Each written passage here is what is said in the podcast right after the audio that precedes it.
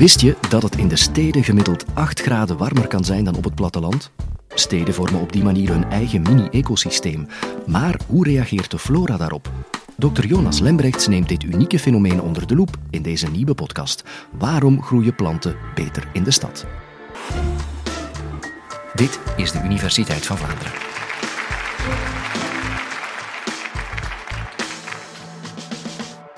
Een eerste belangrijke vraag.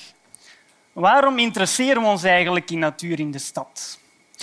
het antwoord daarop is eigenlijk heel duidelijk op deze kaart die u hier kunt zien. Die geeft de stedelijke bevolking op onze wereld weer over de laatste decennia. En je ziet dat die de laatste decennia meer en meer is gaan toenemen. En vooral nu, de laatste jaren, worden die rode bollen groter en groter. Onze wereldbevolking neemt toe, nog altijd. En al die mensen die hebben natuurlijk plaats nodig. Die willen ergens wonen, die willen ergens leven, die willen ergens werken. En onze steden gaan dus steeds belangrijker worden. Dat gaat dan natuurlijk ten koste van onze natuur. We hebben maar één planeet en er is maar plaats voor zoveel dingen. En toch zien we in die steden, die nu steeds groter en groter worden, nog altijd uh, veel natuur. En met natuur bedoel ik dan niet enkel die paar eenzame eendjes in de vijver in het stadspark, um, maar er is nog van alle andere biodiversiteit aan soorten in onze steden te vinden. Loop maar eens in gedachten met mij mee door Brussel bijvoorbeeld of door Antwerpen. Als je daar door de stad loopt, om je heen kijkt, dan zie je bijvoorbeeld heel wat uh, planten onkruid heet dat dan, tussen de straatstenen groeien. Of hier en daar heb je dan braakliggende stukken land waar dat struiken en bomen gaan opschieten. Een heleboel soorten, uh, een heleboel variatie aan diversiteit die we eigenlijk uh, vaak over het hoofd zien. En wat wij ook zien, en dat is eigenlijk heel interessant in ons onderzoek, dat een heleboel van die soorten die we in de stad vinden, het daar eigenlijk beter doen dan buiten de stad. En dan stel ik mij natuurlijk de vraag, waarom is dat zo? En een eerste belangrijk punt daarbij is dat de stad een heel andere leefomgeving is dan de natuur buiten de stad. Dat moet ik u natuurlijk niet vertellen. Een stad ziet er totaal anders uit dan uh, de natuur buiten de stad. Maar voor de, de planten en de dieren die daar leven is dat natuurlijk ook zo.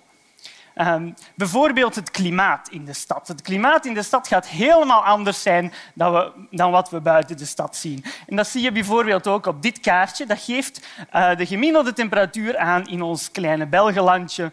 Um, van bovenuit gezien. En je ziet daar direct een aantal rode vlekken verschijnen. En je mag, zou die misschien wel kunnen herkennen uh, als Antwerpen, daarboven een lange rode vlek en in het midden uh, Brussel, een donkerrode vlek. Dat zijn plekken waar heel veel mensen bij elkaar wonen. En wat blijkt nu? Die donkerrode vlekken dat zijn plekken waar het verschillende graden warmer is dan in de omgeving.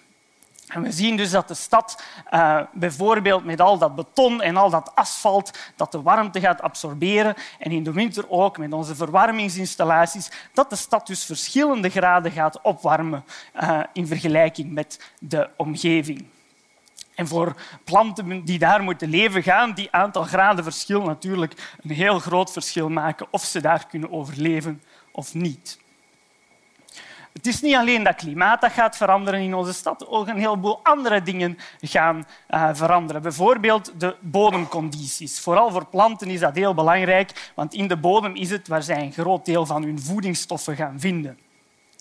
En zo zie je in de stad bijvoorbeeld uh, dat er veel uh, meer dat er vaak meer nutriënten in de bodem zitten, omdat bijvoorbeeld uit de uitlaatgassen van onze auto's dat daar stikstof uitkomt die zich dan in de bodem gaat vestigen. En dat gaat dus voor veel planten een groot verschil maken. Maar het is niet altijd gemakkelijker om voedingsstoffen te vinden. Soms die planten die daar uh, tussen de straatstenen leven, bijvoorbeeld, die hebben heel weinig bodem. Die moeten juist extra moeite doen om voedingsstoffen te vinden. Uh, dus we hebben dat klimaat dat anders is in de stad. We hebben die uh, bodemcondities die anders zijn in de stad. Maar we hebben ook het hele uitzicht, de hele omgeving die anders is. In de stad hebben we vaak uh, zogenaamde stedelijke canyons. En wat bedoel ik daarmee? Dat eigenlijk kan je de Grand Canyon voorstellen. Als je daar op de bodem zou staan, dan heb je naast je die uh, twee steile muren helemaal naar boven en daarboven misschien nog net een klein vierkantje blauwe lucht. En heel weinig licht, uh, heel weinig plaats. En dat zien we ook, onze, ook in onze steden, waar dat we die hoge gebouwen gaan hebben, dicht bij elkaar. Als klein plantje dat daartussen groeit, voelt dat net als de Grand Canyon. En daar gaan ze dus uh, veel minder licht hebben om te groeien. Ze gaan daar heel andere wind hebben. Die gaat daar vaak door die canyons uh, extra hard waaien. Al die omstandigheden gaan anders zijn. Dus, conclusie, de stad is inderdaad een heel andere leefomgeving voor planten en dieren. Het klimaat, die bodem, het licht, de wind, alles gaat helemaal anders zijn. En dan stellen we ons natuurlijk de vraag, gaan we in die stad, die, uh, die dus een heel andere leefomgeving is, gaan we daar ook andere soorten vinden? En dat blijkt dus zo te zijn, dat er een heel aantal andere soorten gaan leven in onze stad dan vlak daarbuiten. We noemen de stad ook wel een, een novel ecosystem, een nieuw ecosysteem. Dat is een ecosysteem dat um, op de, in de geschiedenis van onze planeet nooit bestaan heeft. En nu helemaal uh, nieuw ontstaan is. En waar we dus die nieuwe omstandigheden hebben en dus blijkbaar ook andere soorten dan daar vlak naast. En wat voor soorten zijn dat dan? Dat zijn in veel gevallen soorten die uh, door de mens worden meegebracht. We noemen dat exoten. Exoten zijn soorten die uh, van elders komen en bewust of onbewust door de mens worden meegebracht. Een voorbeeldje daarvan in onze steden is de, de hemelboom. Ik krijg je daar hier een fotootje van te zien. Dat is een boom die je misschien nog niet hebt gezien. Uh, die valt niet echt heel erg op. Maar die houdt heel erg van onze steden. Die is ingevoerd vanuit China, omdat die best wel mooi in de tuin staat. Maar die, heeft zich nu, uh, die is nu zo tevreden met het leven hier in onze steden dat hij zich op eigen initiatief overal begint uit te breiden. En waarom is die zo interessant? Omdat we die overal zo tussen de straatstenen, op die braakliggende stukken terrein, dat die zich daar spontaan gaat verspreiden. Het zijn natuurlijk niet alleen planten uh, die zo worden geïntroduceerd. Ehm, dieren kunnen zo ook worden binnengebracht. Bijvoorbeeld de tijgermug, een Aziatische muggensoort die vaak uh, ziektes met zich meebrengt. Die zien we bijvoorbeeld in autobanden, uh, in autobandentransport meegebracht worden. En in de andere richting gebeurt dat ook. Soorten die van bij ons komen, die uh, naar, de andere, naar andere gebieden van de wereld geïntroduceerd worden. Dat zien wij ook in ons onderzoek. Uh, bijvoorbeeld overal in de wereld waar we gaan kijken, zien we diezelfde um, West-Europese onkruidsoorten, zoals bijvoorbeeld de paardenbloem, de klaver, soorten die je hier overal um, in de stad in de gazons ziet staan. Die soorten vinden we overal in de wereld in steden terug. En dat levert natuurlijk um, een, een verandering op van onze diversiteit. En we zien dat daarbij telkens een aantal winnaars zijn, een aantal soorten, dus in veel gevallen die, die exoten die het heel goed gaan doen. Maar ook een heleboel soorten die het juist minder goed gaan doen. Vaak zijn dat dan die inheemse soorten die eigenlijk niet aangepast zijn aan die speciale omstandigheden. En dat levert een homogenisatie van onze natuur. Wat bedoel ik daarmee? We zien dus overal in de wereld diezelfde paar soorten als winnaars uit de bus komen. Uh, soorten die het dus overal in de wereld heel goed gaan doen, terwijl de, vaak de inheemse vegetatie, de inheemse soorten het juist veel minder goed gaan doen. En dat levert een verarming uh, van onze natuur op. Uh, en welke soorten zijn dan juist die winnaars? Welke soorten zijn er nu zo goed aan leven in onze stad? Um, daar zijn een aantal belangrijke eigenschappen. Een eerste is dat je moet om kunnen gaan met die totaal andere, dat totaal andere leefomgeving in de stad. Dus dat extremere klimaat, die andere bodemcondities, daar moet je natuurlijk mee kunnen omgaan. Je moet met die extra hitte in de zomer kunnen omgaan. Je moet heel snel kunnen reageren ook op veranderingen. We gaan als mensen die, die, stad die is voortdurend in beweging. Je krijgt nieuwbouw, je krijgt plekken die, worden, uh, die braak komen te liggen. En je moet daar als soort heel snel op kunnen reageren. Dus dat is een tweede eigenschap die heel belangrijk is als je het in de stad goed wilt doen.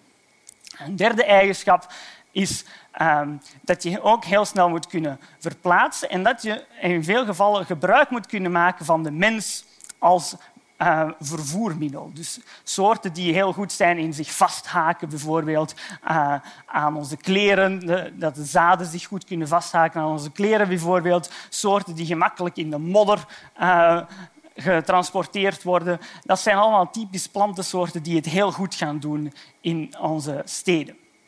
En dat zijn dus drie eigenschappen uh, die we vaker zien bij exoten dan bij onze inheemse vegetatie. En daardoor krijgen we dus die nieuwe soorten in onze stad. De vraag die wij ons dan nog stellen is hoe gaat onze stad er in de toekomst uitzien? Wat gaat de biodiversiteit van de toekomst in onze steden zijn?